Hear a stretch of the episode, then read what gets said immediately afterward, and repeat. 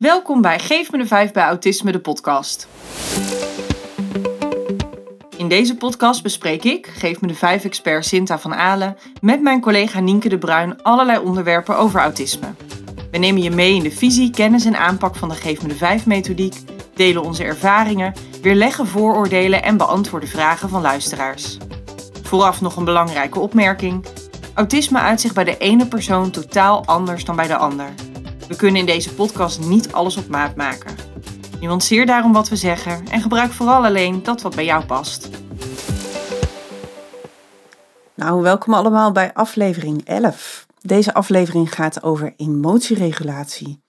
Sinta, als ik dat woord tegen jou zeg, wat, wat, ja, wat voor betekenis heeft dat voor jou? Wat is emotieregulatie? Ja, wat is emotieregulatie? Het is het reageren op situaties waarbij, je, nou, waarbij er een heel intern proces plaatsvindt van, van hoe je daarop reageert. Dus hoe dat voor jou voelt en, en hoe jij omgaat met die gevoelens. Maar ook aan de buitenkant is er heel veel over te zeggen, want er zijn ontzettend veel sociale regels en afspraken over hoe je geacht wordt je emoties te uiten. Uh, en daarom vind ik ook het onderwerp meteen zo ontzettend interessant, omdat al die sociale regels en afspraken maken dat we er ook meteen van alles van vinden.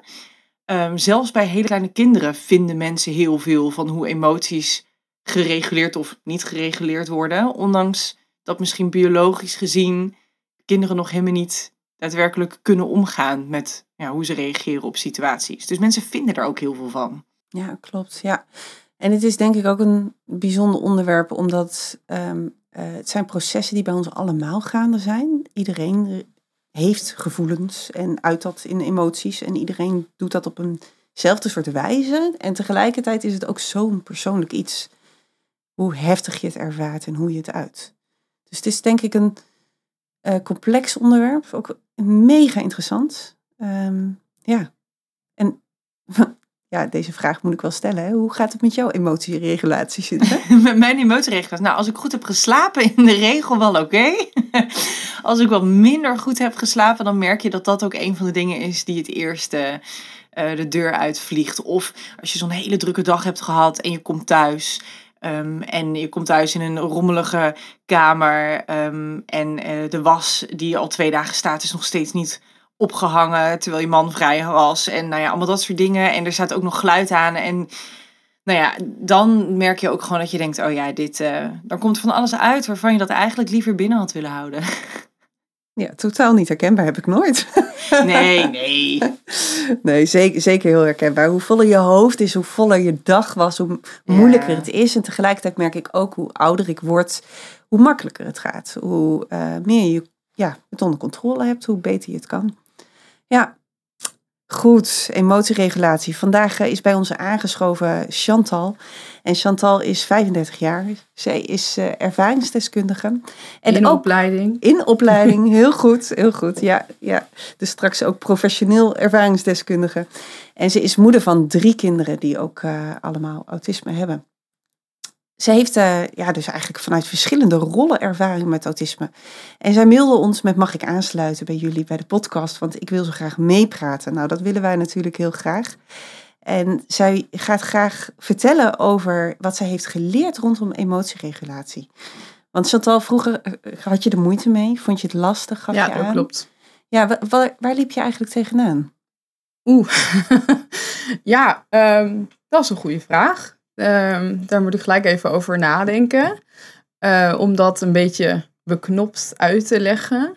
Um, maar eigenlijk kwam het op neer dat ik eigenlijk altijd een hoge arousal had. Dus dat ik eigenlijk, nou ja, heel, nou, grotendeel van de dag of van de week, zeg maar, me niet gereguleerd voelde. En um, nou ja, heel lang wist men ook niet dat ik autisme had. Ik ben pas op mijn 32e gediagnosticeerd. En daarvoor had ik een persoonlijkheidsstoornis als uh, diagnose. In eerste instantie uh, borderline. En later uh, werd dat een ongespecificeerde persoonlijkheidsstoornis in combinatie met autisme. En pas veel, veel later kwam men er echt achter dat ik dus autisme en ADHD had, de combinatie. En dat het eigenlijk alles verklaarde. Maar um, doordat ik eigenlijk niet als klein meisje kas, als een kas erkend ben toen ik heel klein was, eh, maakte dat ik eh, eigenlijk ook niet een omgeving had die zich op mij aanpaste. En daardoor heb ik allerlei gedragingen ontwikkeld om mezelf staande te houden in de maatschappij. En ja, dat zijn gelukkig die de me de Vijf ook ziet als herhalende handelingen. Uh, maar in de psychiatrie wordt dan natuurlijk gezegd van oké, ja, je bent suicidaal en dat valt niet onder autisme. Uh, je, je automutileert, dus uh, je beschadigt jezelf. Dat valt niet onder autisme. En vandaar dat ik ook zo lang de persoonlijkheidsstoornis uh, als stoornis heb gedragen. En men er niet helemaal achter kwam wat nou eigenlijk daadwerkelijk het probleem was waar ik tegenaan liep. Oké, okay, dus het is echt een enorme zoektocht geweest in jouw jongere jaren en ook nou ja, latere jaren eigenlijk. Nou, wat is er nou aan de hand? Ja. En ik hoor je ook zeggen, het, was, ja, het werd niet goed gezien wat er dan speelde. Ik denk ook wel dat het de tijdsgeest was. Want ik ben in 87 geboren, 1987 in de jaren negentig wist men nog niet zoveel over autisme. En als men het al wist, dan wisten ze natuurlijk veel over autisme bij jongetjes. Uh, en vooral bij klassiek autisme. Pas later kwamen alle andere dingen op het spectrum, wat later weer tot één paraplu werd gemaakt. Maar ik denk dat juist die kennis die er nog niet was over hoe autisme zich uit bij vrouwen, zeker vrouwen ook die hoog intelligent zijn, uh, of een gemiddelde intelligentie hebben, dat dat maakte dat men gewoon niet goed wist wat er met mij aan de hand was. Want in groep 3 was er wel een orthopedagoog die zei, hm, heeft ze niet last van ADD? Dus er is ergens wel iets gezien. Er is iemand geweest ja. gewoon die heel scherp was dus. Achteraf gezien wel. Achteraf maar gezien, ja, ja, dan. Ga, dan word je doorverwezen. En wat gebeurt er dan? Ja. Ja, ja, dan wordt er gekeken toch wel naar het gedrag. Als Ja. in, dat is logisch, want die diagnoses gaan allemaal op basis van gedrag. Maar dan zie je inderdaad hè, dat als je dus een, een, een ja, meer internaliserende manier hebt van verwerken van, dat het al heel gauw onder een ja, ander kopje wordt geschaard. En het Ja. moet wel ergens binnen een hokje vallen, want anders snappen we het allemaal Ja. niet meer natuurlijk. Ja, ja, en je zegt Chantal, ehm eh, eh, automutilatie, eh, de, de, de- de- nou ja, zaken die mensen dan zagen in je gedrag. en Ze zeiden, dat hoort niet bij autisme. ja, Zie jij dat anders? ik zie dat echt anders. Kan je dat eens vertellen? Ehm, nou ja, gelijk met de billen bloot. En dat doe ik met alle liefde om anderen ook te helpen. Maar ik heb eh, negen maanden een klinische behandeling gehad binnen het gespecialiseerd Centrum Ontwikkelingsstoornissen van die mens op de Lorna-wing. Ehm, en daar waren bijna alleen maar medecliënten die dus dat soort gedragingen hadden ontwikkeld om zich staande te houden in hun leven door autisme. Eh, bij mij heeft ook eigenlijk niemand in de GGZ zonder naar te doen over de personen die ik getroffen heb. Want ik heb met de meeste allemaal een hele goede relatie gehad. Ehm, en ehm, die hou ik ergens nog steeds in mijn hart. Want ze hebben met alle goede bedoelingen zeg maar, mij proberen te helpen. Ehm, maar niemand had mij ooit de vraag ge- gesteld bijvoorbeeld van... Waarom automutileer je nou echt? En, en wat zijn de momenten waarop dat gebeurt? Misschien is het wel gevraagd, maar nooit zo duidelijk dat ik daar op die manier antwoord op had kunnen geven.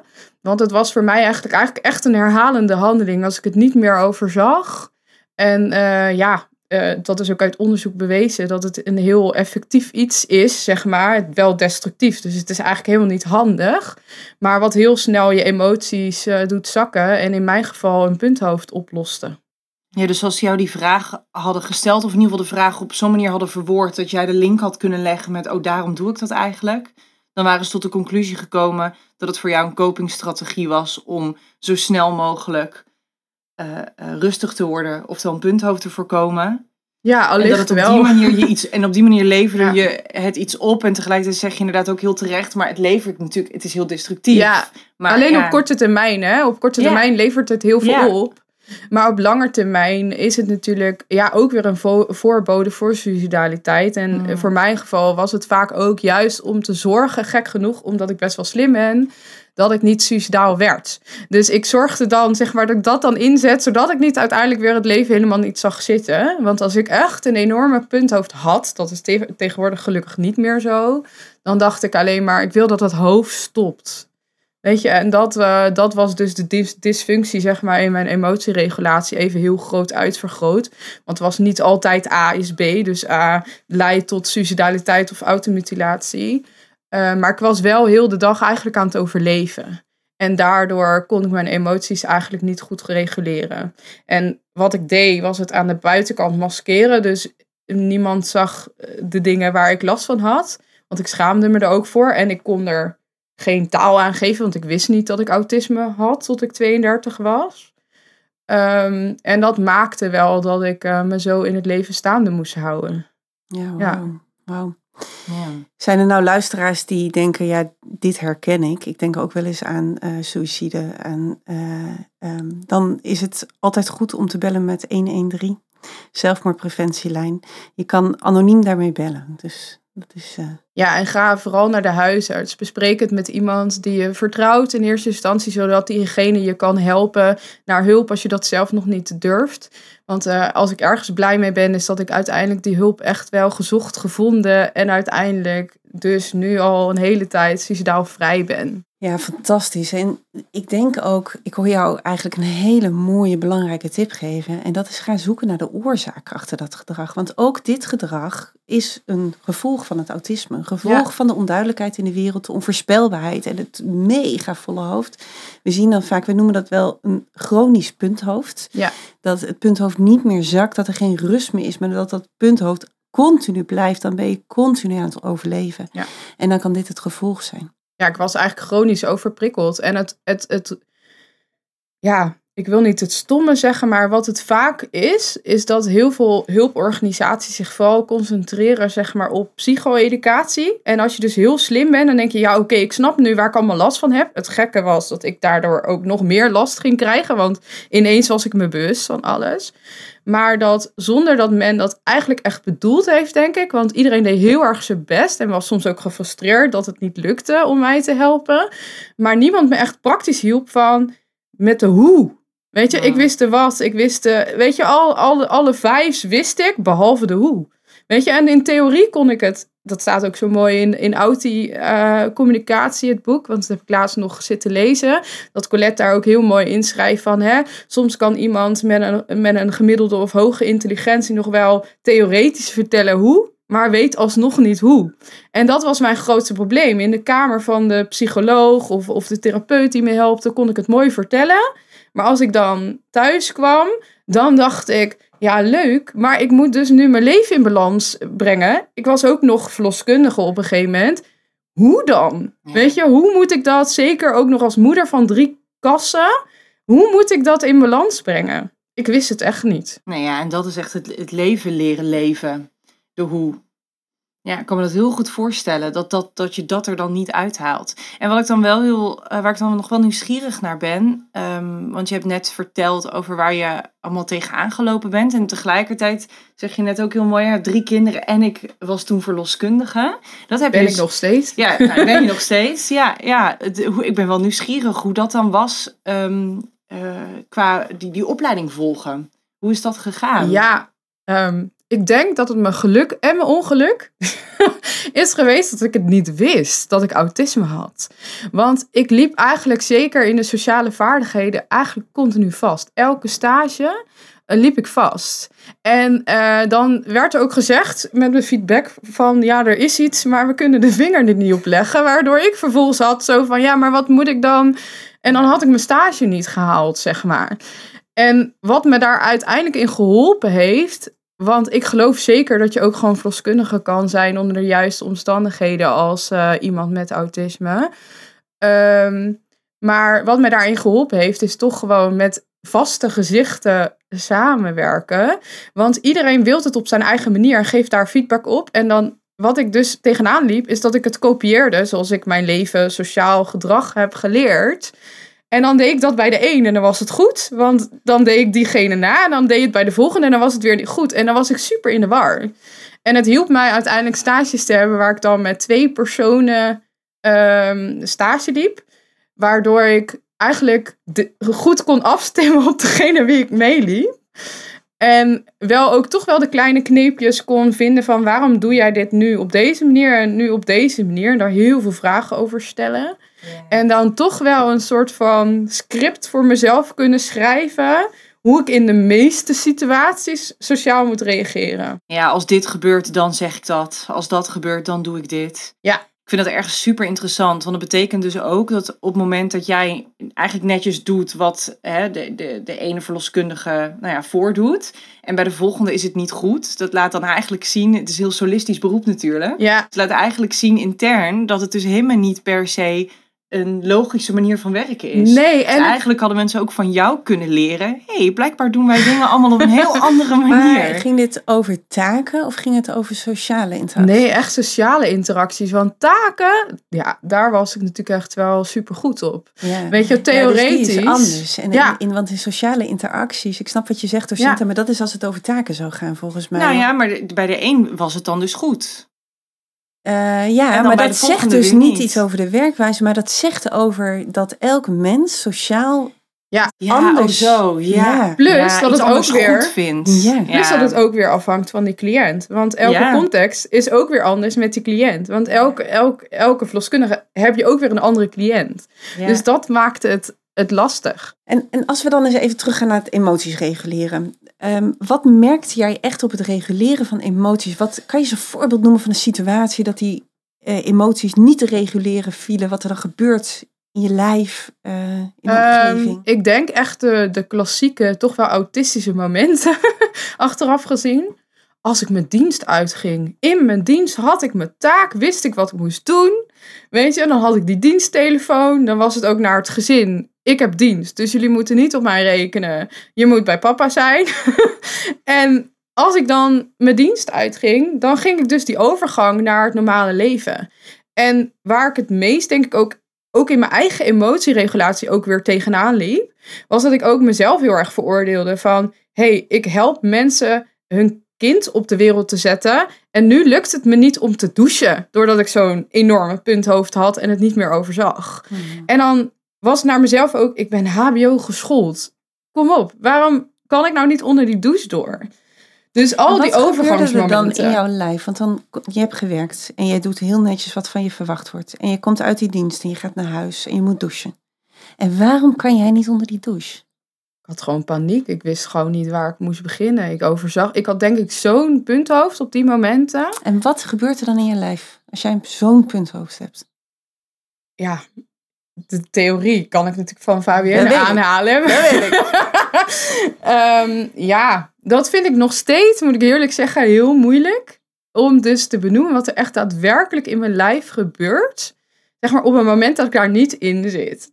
Ehm, ik heb met psychomotorische therapie als onderdeel van die klinische behandeling. Dat was heel belangrijk voor mij om dus echt per dag bij te gaan houden wat ik voelde in mijn lijf. En dus die. Ik, ik ga jou even stoppen. Ik ga Ja? even terug. Als jij denkt aan die situatie dat je voor die douche staat en dat jij je uit moet kleden. Ja, Kan jouw hoofd op dat moment heel helder denken? nee. Is jouw hoofd, hoe voelt het dan? Is jou, in jouw hoofd, is het een waas? Of drukt het in jouw hoofd? Of, Ehm, ik denk dat ik het meest zou omschrijven als, als druk, zeg maar. en is het in je hele hoofd of in een bepaald gebied? Nee, in mijn hele hoofd. In jouw hele hoofd zit een Ja. druk en komt die druk van buiten of is die van binnen in je hoofd? Van binnen. Van binnen. En Ja. gaat het van binnen naar buiten of gaat het verschillende kanten op? Het gaat van binnen naar buiten, denk ik. Als ik zo nu aan zo'n moment denk. Ehm, Dus Ja. is van binnen in jouw hoofd is er een druk naar Ja. jouw hersenpan naar buiten toe. En is die druk constant of beweegt die? nee, hij is eigenlijk wel op zo'n moment constant. Ik kan dan ook echt, als het zo erg kan zijn, kan ik dan ook echt een heftige migraineaanval hebben met overgeven en gewoon helemaal niks meer kunnen. Ja. En heeft die druk in jouw hoofd ook een kleur? Hmm. Als ik hem vroeger tekende, dan was het vaak wel zwart. Dus een zwart, constant gedruk van binnen naar buiten in je hoofd. Ja. Dit is eigenlijk hoe je het gaat herkennen. Hoe je het kan herkennen op te komen. Ik doe dit eventjes bewust zo nu. Want dit kan je hetzelfde doen met je lijf. Dat je gaat kijken, oké, waar is het dan? Als je het niet weet, Ja. ga je kiezen, oké, deze opties zijn er. Welke past bij mij? Ja. En zo kan je gaan kijken, wat is er in mijn lijf? En waarom dit heel handig is. Omdat je dan, ook als het een klein beetje is, kan gaan herkennen, oh wacht even, die druk op mijn hoofd begint nu iets. Ja.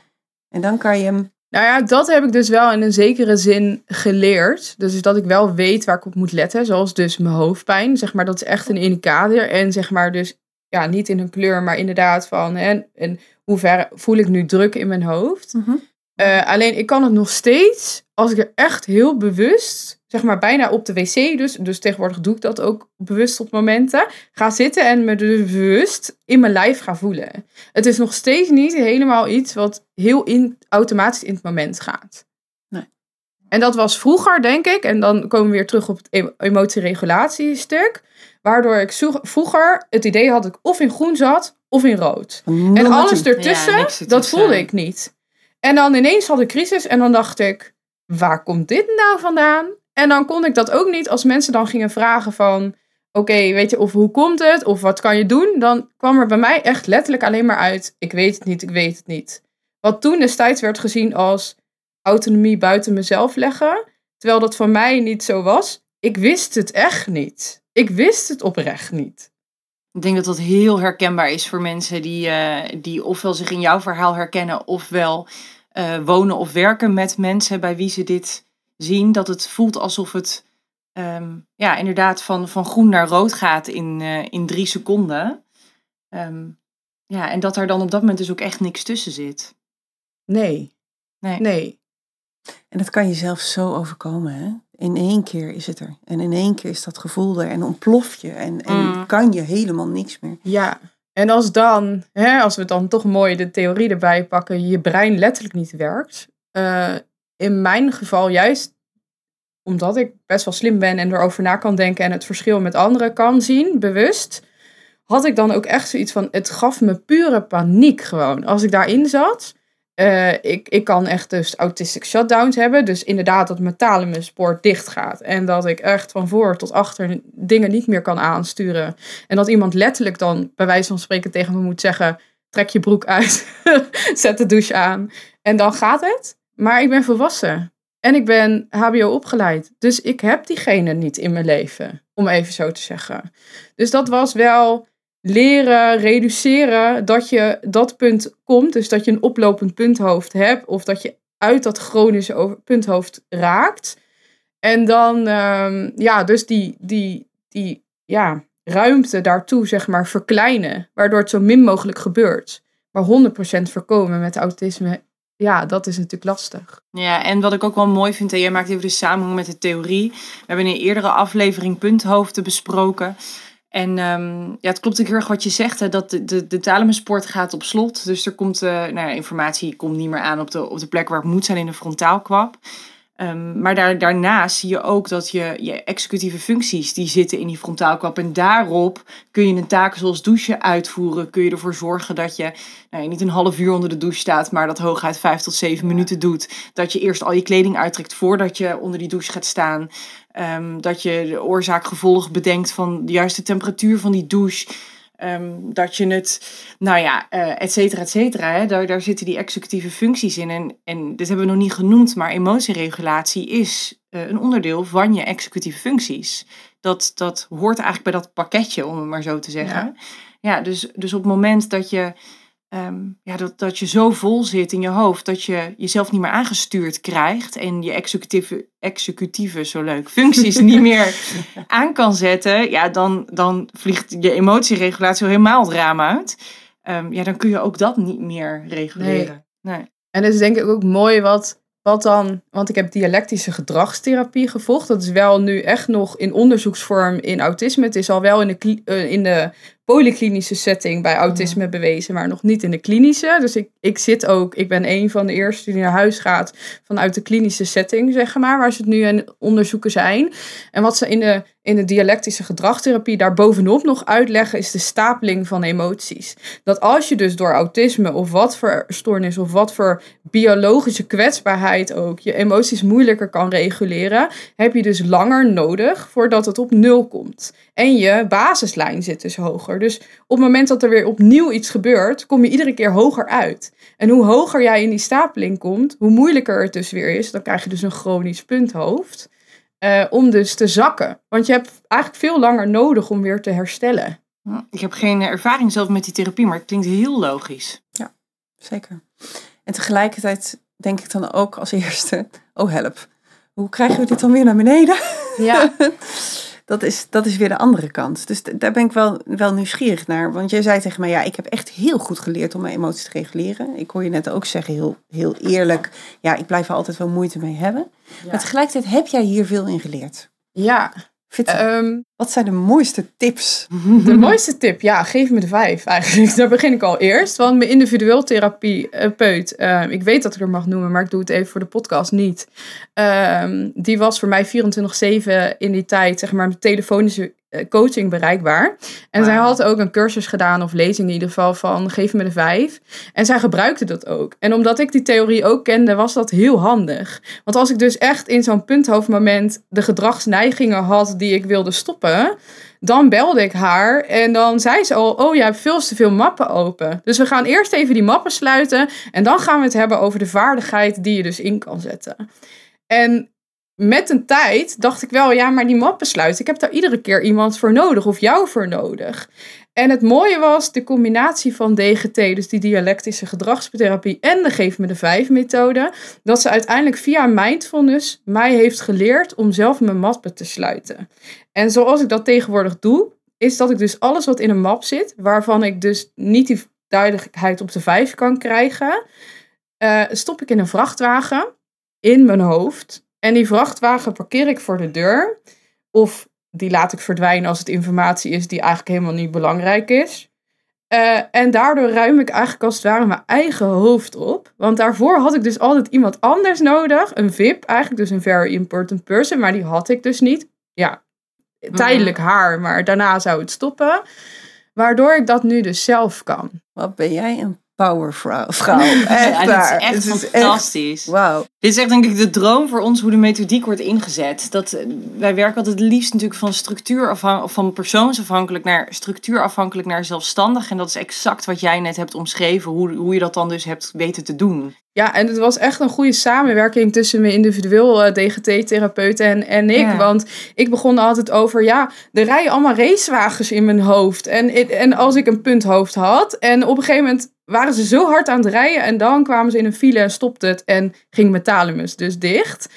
En dus we zijn eerst begonnen met racewagens weg laten uh, rijden. En die racewagenoefening hebben we samen dus op een gegeven moment omgevormd naar die vrachtwagens. Dus in het begin gingen we samen mappen sluiten. Dan moest ik elke racewagen benoemen. En dan gingen we een weg laten rijden samen. En uiteindelijk werden dat dus vrachtwagens, omdat daar meer in Ik kan zeggen, want dan kun je dingen in. Ja, ik snap hem helemaal. Ja, dat is super logisch. En voor iedereen die nu luistert en die denkt, racewagens. Uh, ja, het mooie hiervan is, van, van wat jullie hebben gedaan, is je hebt een, een uh, concreet beeld gemaakt van wat er gebeurt in jouw hoofd. En dat beeld is altijd voor iedereen anders.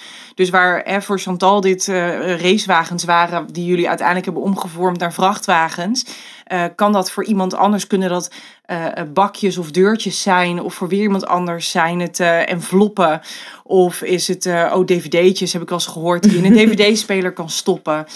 Um, ja, de, ik ben hier niet zo creatief in blijkbaar weer. Maar het kan echt, van alles kan dat zijn qua, qua beelden. Maar het maakt het concreet. En het maakt dat je het kunt ombuigen naar iets waar ja. je mee kan werken. Um, en het is heel logisch in het kader van emotieregulatie, want we zeiden dus straks al dat op het moment dat, het, dat de boel helemaal vol zit in je hoofd, dan kun je je emoties niet meer reguleren.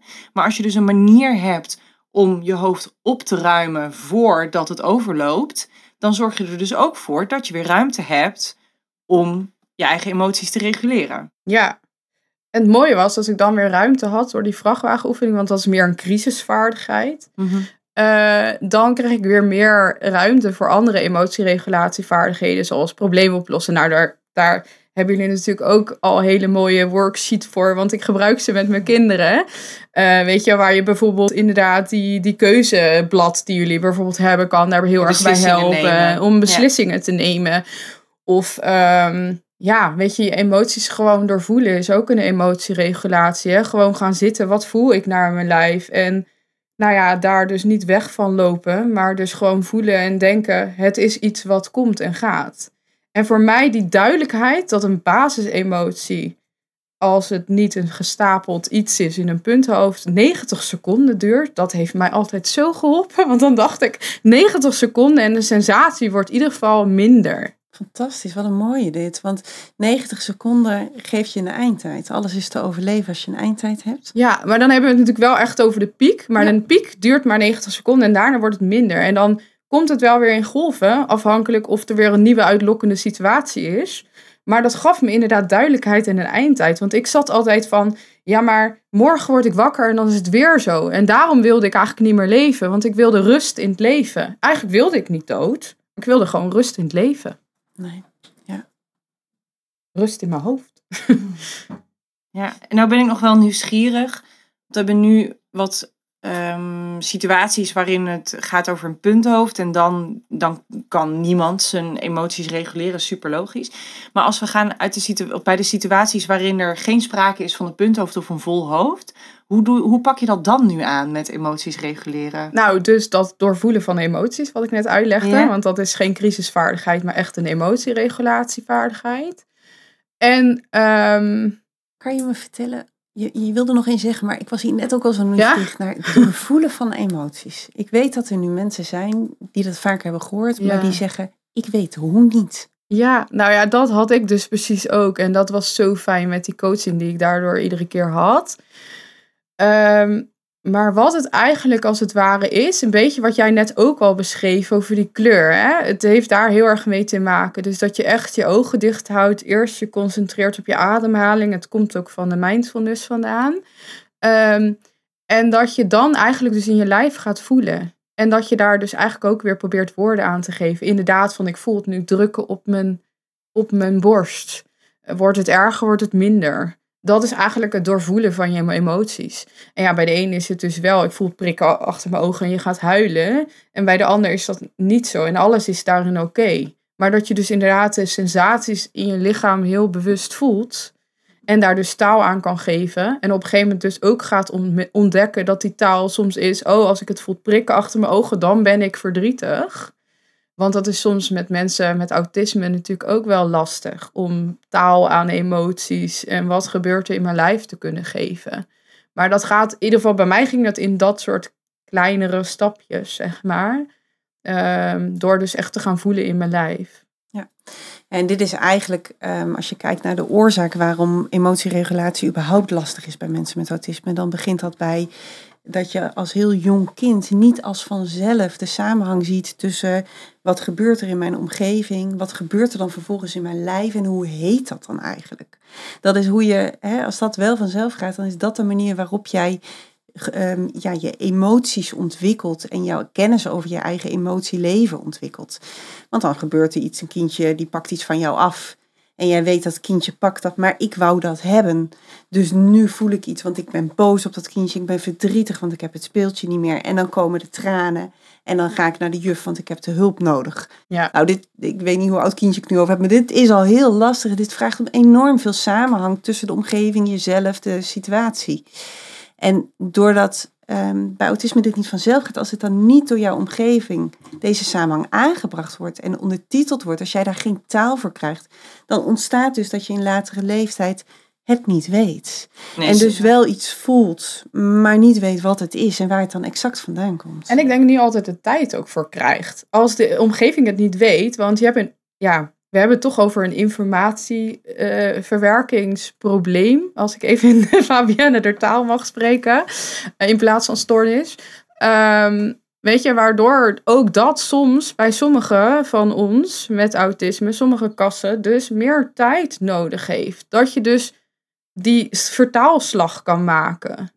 Ik kan bijvoorbeeld emoties soms echt eh, een half uur na een gesprek of soms langer pas hebben. En dan ineens denken, oh, maar dit was niet duidelijk en dat was niet duidelijk. En, en dan komen die emoties pas. En dan kan ik dat soms ook pas tegen die persoon uiten van, hé, hey, je overviel me hiermee en ik wist even niet wat ik voelde. Maar uiteindelijk voel ik dit.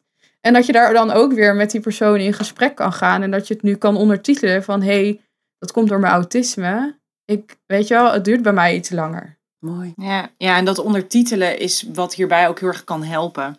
Zeker, er werd net al even genoemd, hè, als je er zelf weinig taal voor hebt, ook omdat je ehm, vanuit het autisme als kind niet altijd de samenhang maakt tussen wat er gebeurt en hoe dat dan heet en wat je daarbij voelt, is juist dat andere mensen daar heel veel taal voor geven, is zo cruciaal. Dus je noemde net al even met hè, dat je als je het achter je ogen voelt prikken, en toen moest ik denken aan een leerling die ik in de klas heb gehad, die met de tranen over de wangen voor mij stond en zei: Juf, ik heb prikogen.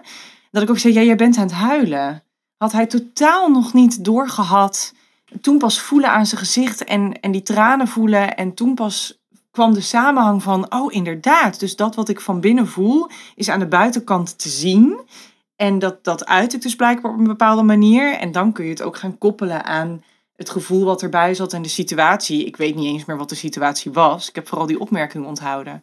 Maar juist dat soort dingen ondertitelen en dan de samenhang maken, dat komt omdat ja, en die mooie puzzeltijd, hè, daar hebben jullie een hele aflevering aan geweten. Ja. Uh, maar die vijf minuten regel is soms ook heel belangrijk. Dat je dus door je omgeving eh, krijgt van, hey, uh, dat je die, even die vijf minuten, of voor sommigen is dat dus veel langer. Hè? Bij jouw pleegbroer uh, is dat veel langer. Een half uur had je uitgelegd. Maar weet je, dat je die tijd ook kan krijgen. En dat je dus niet verwacht wordt gelijk een reactie te geven. Want het is precies zoals in die aflevering terugkomt. Ik ben dus ook iemand die dan gewoon maar nee zegt. Of, of dus zegt ik weet het niet. En dan pas tijd nodig heeft om te bedenken. Ja, wat vind ik hier nou echt van? Of wat voel ik hier nou echt bij?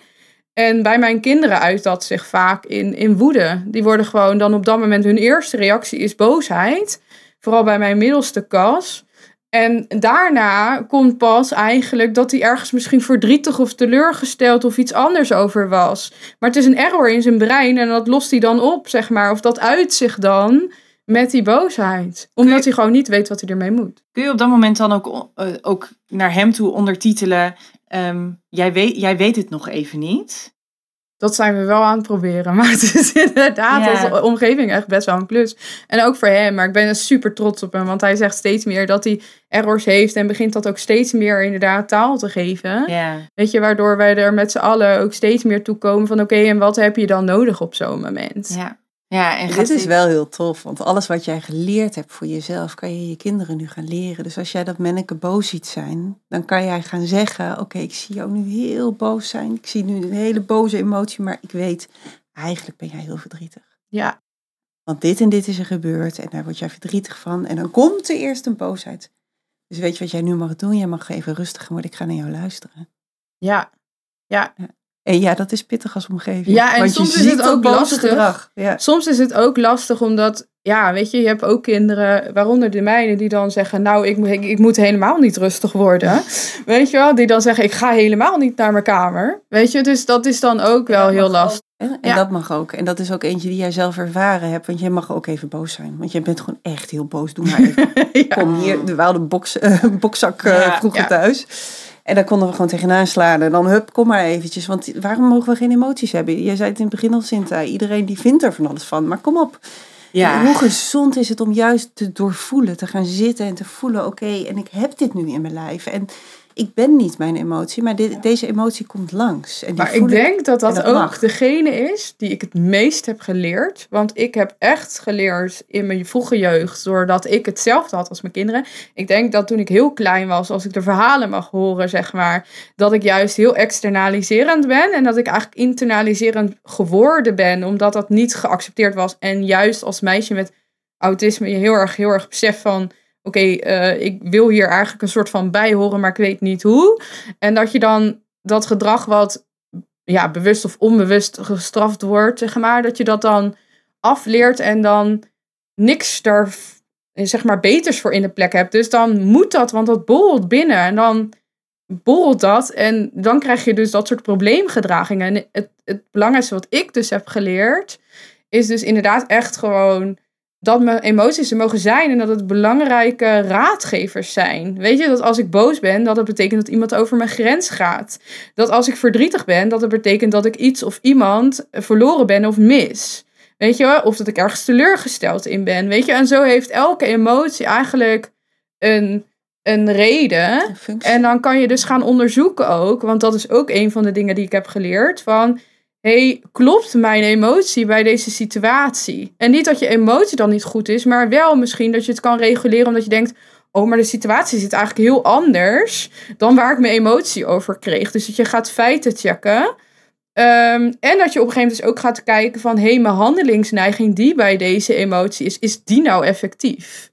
En ja, dat, daar heb je ook schakeltijd voor nodig. Dus daar heb je puzzeltijd voor nodig. Dus dan moet je ook zeggen, ja, in de DGT noemen ze het dan een vakantie van volwassenheid. Maar dat je dus tijd, eh, al je taken uit je handen laat, waar je echt even rust neemt om dus te kunnen gaan denken, wat is nu effectief?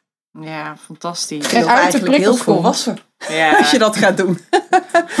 ja, prachtig. Ja, maar je stapt even uit de situatie, uit de context waarmee je bezig was, om de tijd te nemen die gewoon nodig is om te gaan plaatsen. Waar zit ik nou? Waar ben ik mee bezig? En ook om voor jezelf te zorgen. Ja, en dus te ontprikkelen en je punthoofd te laten zakken. Ja. En ja, en, en een deel daarvan is ook nog steeds leren leven met dat ik bijvoorbeeld eh, hoofdpijn krijg van dit soort luchten. Het is nu, jullie kunnen het niet zien op de podcast, maar het is nu heel erg bewolkt en heel fel witte lucht. Ik vind dat erger dan nog de, als de zon schijnt eigenlijk. Dus ik loop eigenlijk bijna altijd standaard buiten met een zonnebril. Vroeger wist ik niet waarom, dus dan zei iedereen altijd zo, heb je de zoomer in je bol of zo. En nu kan ik ook weer dat ondertitelen naar anderen. Nee, weet je, ik ben gevoelig voor licht, dus ik draag daarom een zonnebril, omdat ik dan minder snel hoofdpijn krijg. Maar dat zijn dus ook wel allemaal dingen die je dus leert, waardoor je beter en minder kwetsbaar bent, zeg maar. Precies wat jij in het begin zei, uh, Sinta.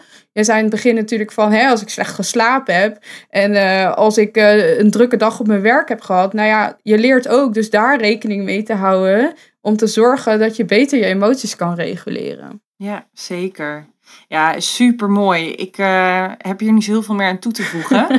uh, dus ik denk dat het mooi is als we vanuit hier uh, doorrollen naar het, het stukje wat we eigenlijk altijd terug laten komen. En dat is dat we het hebben over vragen die veel gesteld worden. Of nou, soms zit er een, een vooroordeel tussen.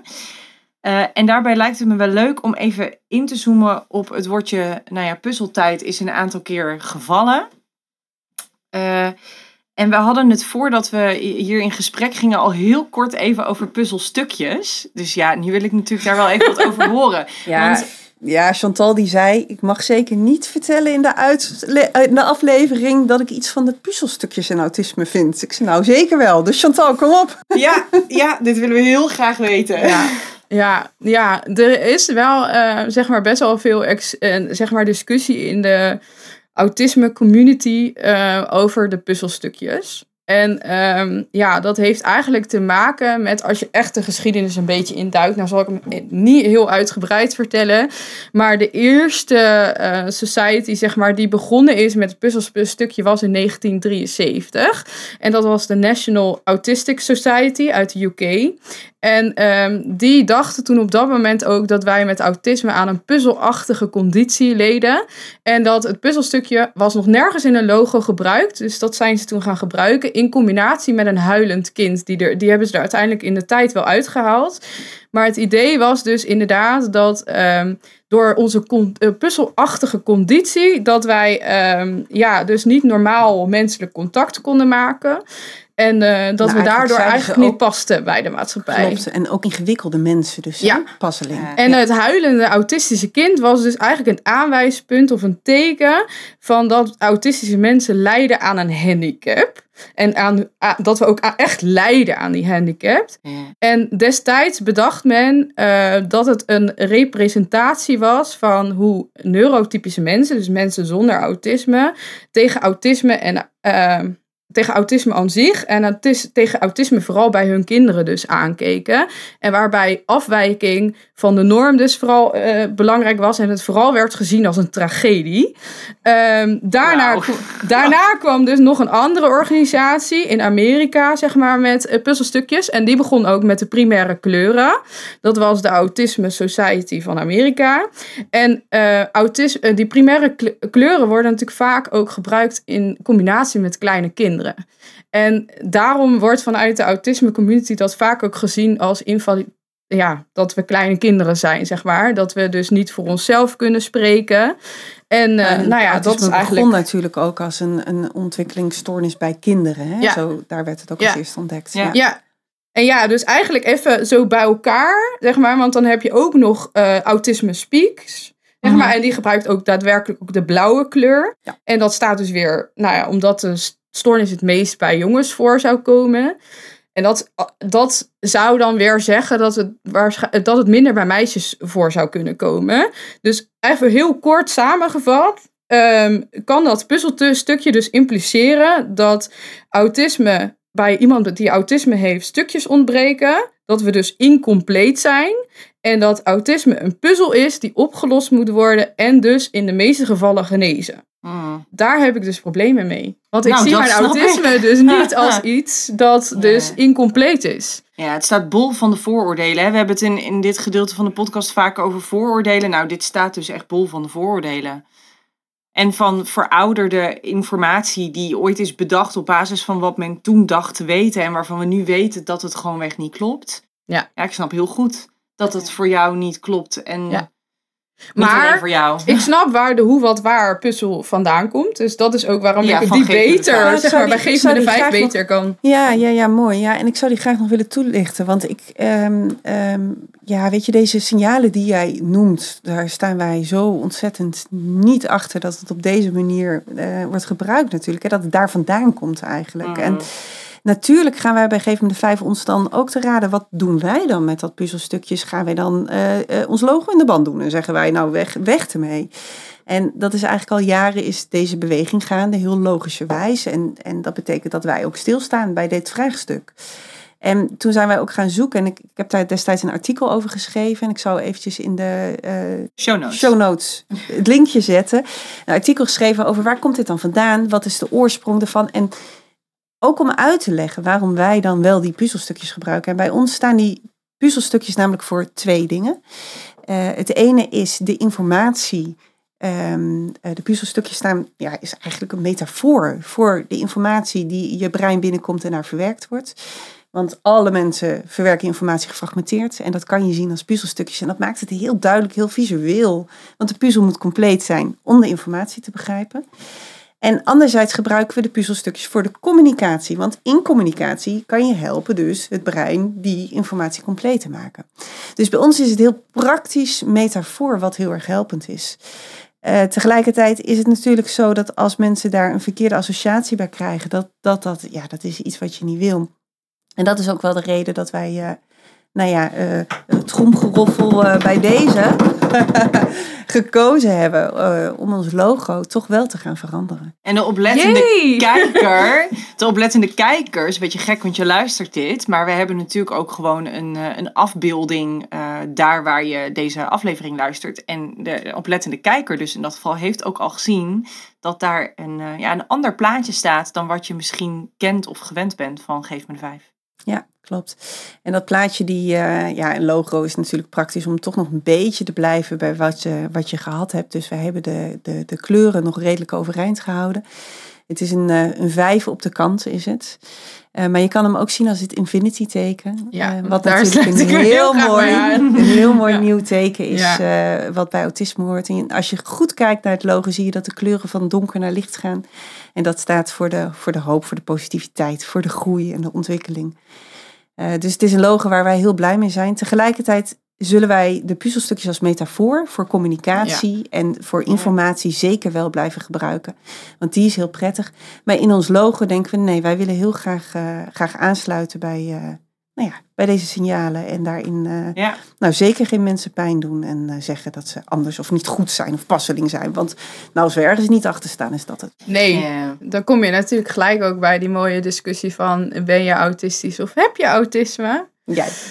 Ehm, ja, ik snap dat jullie dat niet, eh, niet willen. Want dat, dat komt ook wel in de voorgaande podcast natuurlijk terug, zeg maar. Dat eh, jullie eigenlijk het, eh, ja, ons als persoon willen zien, zeg maar. Maar dan kom je gelijk bij die discussie. Mag nou ik daar iets Chantal, over zeggen? ben, ben jij autistisch of heb jij autisme? Ik ben autistisch. En de reden waarom ik dat zo vind, en ik vind ook nog steeds dat je het aan de persoon zelf moet eh, vragen. eh, maar de reden waarom ik het zo vind, is omdat eh, mijn brein maakt, mijn breinwerking maakt dat ik anders, zeg maar, alle zintuigen, zeg maar, opvang. Dus ehm, ik beleef mijn, door mijn breinwerking de wereld ook anders. Dus zou je mijn autismewerking uit mijn brein halen, dan ben ik ook daadwerkelijk een ander persoon. En ik vind hem ook zo moeilijk dat sommige hulpverleners heel graag daaruit willen blijven, omdat ze dus vinden dat ze stigmatiseren als ze zeggen dat wij autistisch zijn. Want dan krijg je dus inderdaad die discussie van, ja, ik wil je loszien van je autisme en tegelijkertijd maakt dat hoe ik de wereld ervaar. Dus is dat een onderdeel van mijn persoon. Net zoals dat ik moeder ben. Ik ga ook niet zeggen, ja, ik ben een persoon die, ja, sommige mensen doen dat, hè, maar het is heel normaal om te zeggen, ik ben moeder. Dus ik snap ergens niet helemaal waarom dat bij autisme zo anders is. Kijk, ik vind niet dat iemand zijn depressie is. En als je iemands depressie eruit haalt, dan blijft hij wel dezelfde persoon. Alleen is dat gewoon de gekleurde bril van de depressie waar iemand iets door ervaart. Alleen bij autisme, als ik anders denk en mijn neuronenpaden anders gaan werken, dan ben ik daadwerkelijk een ander persoon. Dus vandaar dat ik wel vind dat het een onderdeel van mij is. En ik vind dat ook niet iets waar ik me voor schaam. Het is zelfs zo, ik heb hem nu niet aan, maar ik heb ook zo'n trui met van Rumach van autist. Ik draag hem met plezier, want sinds dat ik mijn diagnose heb, weet je, is heel de wereld voor me open gegaan en is mijn leven beter geworden. Dus ik vind juist dat ik bij moet dragen aan het wegwerken van dat stigma. En ik ben trots om een autist te zijn, want al mijn talenten maken dat ik iets toe te voegen heb aan deze wereld. Ja, fantastisch.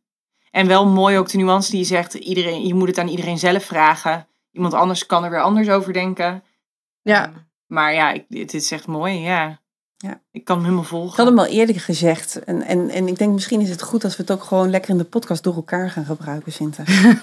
Ja, dat, dat doen we waar mogelijk. Gooien we het ook gewoon door elkaar, hè? Dat we gewoon autistische mensen, mensen met autisme. Want het is mij om het even. Maar inderdaad, nou, het is mij niet om het even. Ik vind het heel belangrijk om aan te sluiten bij de persoon die tegenover je zit. Precies wat je zegt. Ja, Ja, Dus laten we dat vooral gaan doen. ja zeker. Mooi. Wij gaan richting eh, afronden. Zeker. Chantal, dank je wel voor jouw komst. nou, heel, ik voelde me vereerd, dus eh, geen eh, dank. Mooi. Het is fijn wat je allemaal verteld hebt. Ik denk dat je heel veel mensen weer eh, op weg hebt kunnen helpen. Ja. Onze volgende aflevering die gaat eh, over autiecommunicatie verbindt. En dat is de titel van onze nieuwe lezing. Colette gaat in het najaar door het hele land toeren met eh, deze nieuwe lezing. En deze nieuwe lezing geeft ze niet alleen, maar die geeft ze eh, samen met meerdere mensen met autisme. Die niet op het podium komen staan, maar wel van tevoren op video hebben verteld over hun autisme. En op die manier aanwezig zijn bij de lezing.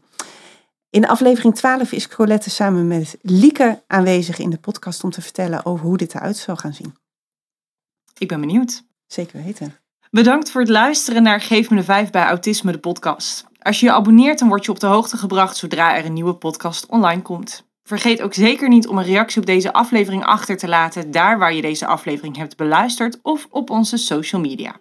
Wil je nou meer leren over de methodiek? Kijk dan even op www.geefmede5.nl voor onze boeken en scholingsaanbod. En hier kan je ook gratis de keuzehulp downloaden die genoemd werd in deze aflevering. Zeker even een kijkje nemen. Heb je nou vragen of opmerkingen over deze aflevering? Stuur ze naar podcast.geefmede5.nl en dat is Geef me de 5 met het cijfer 5.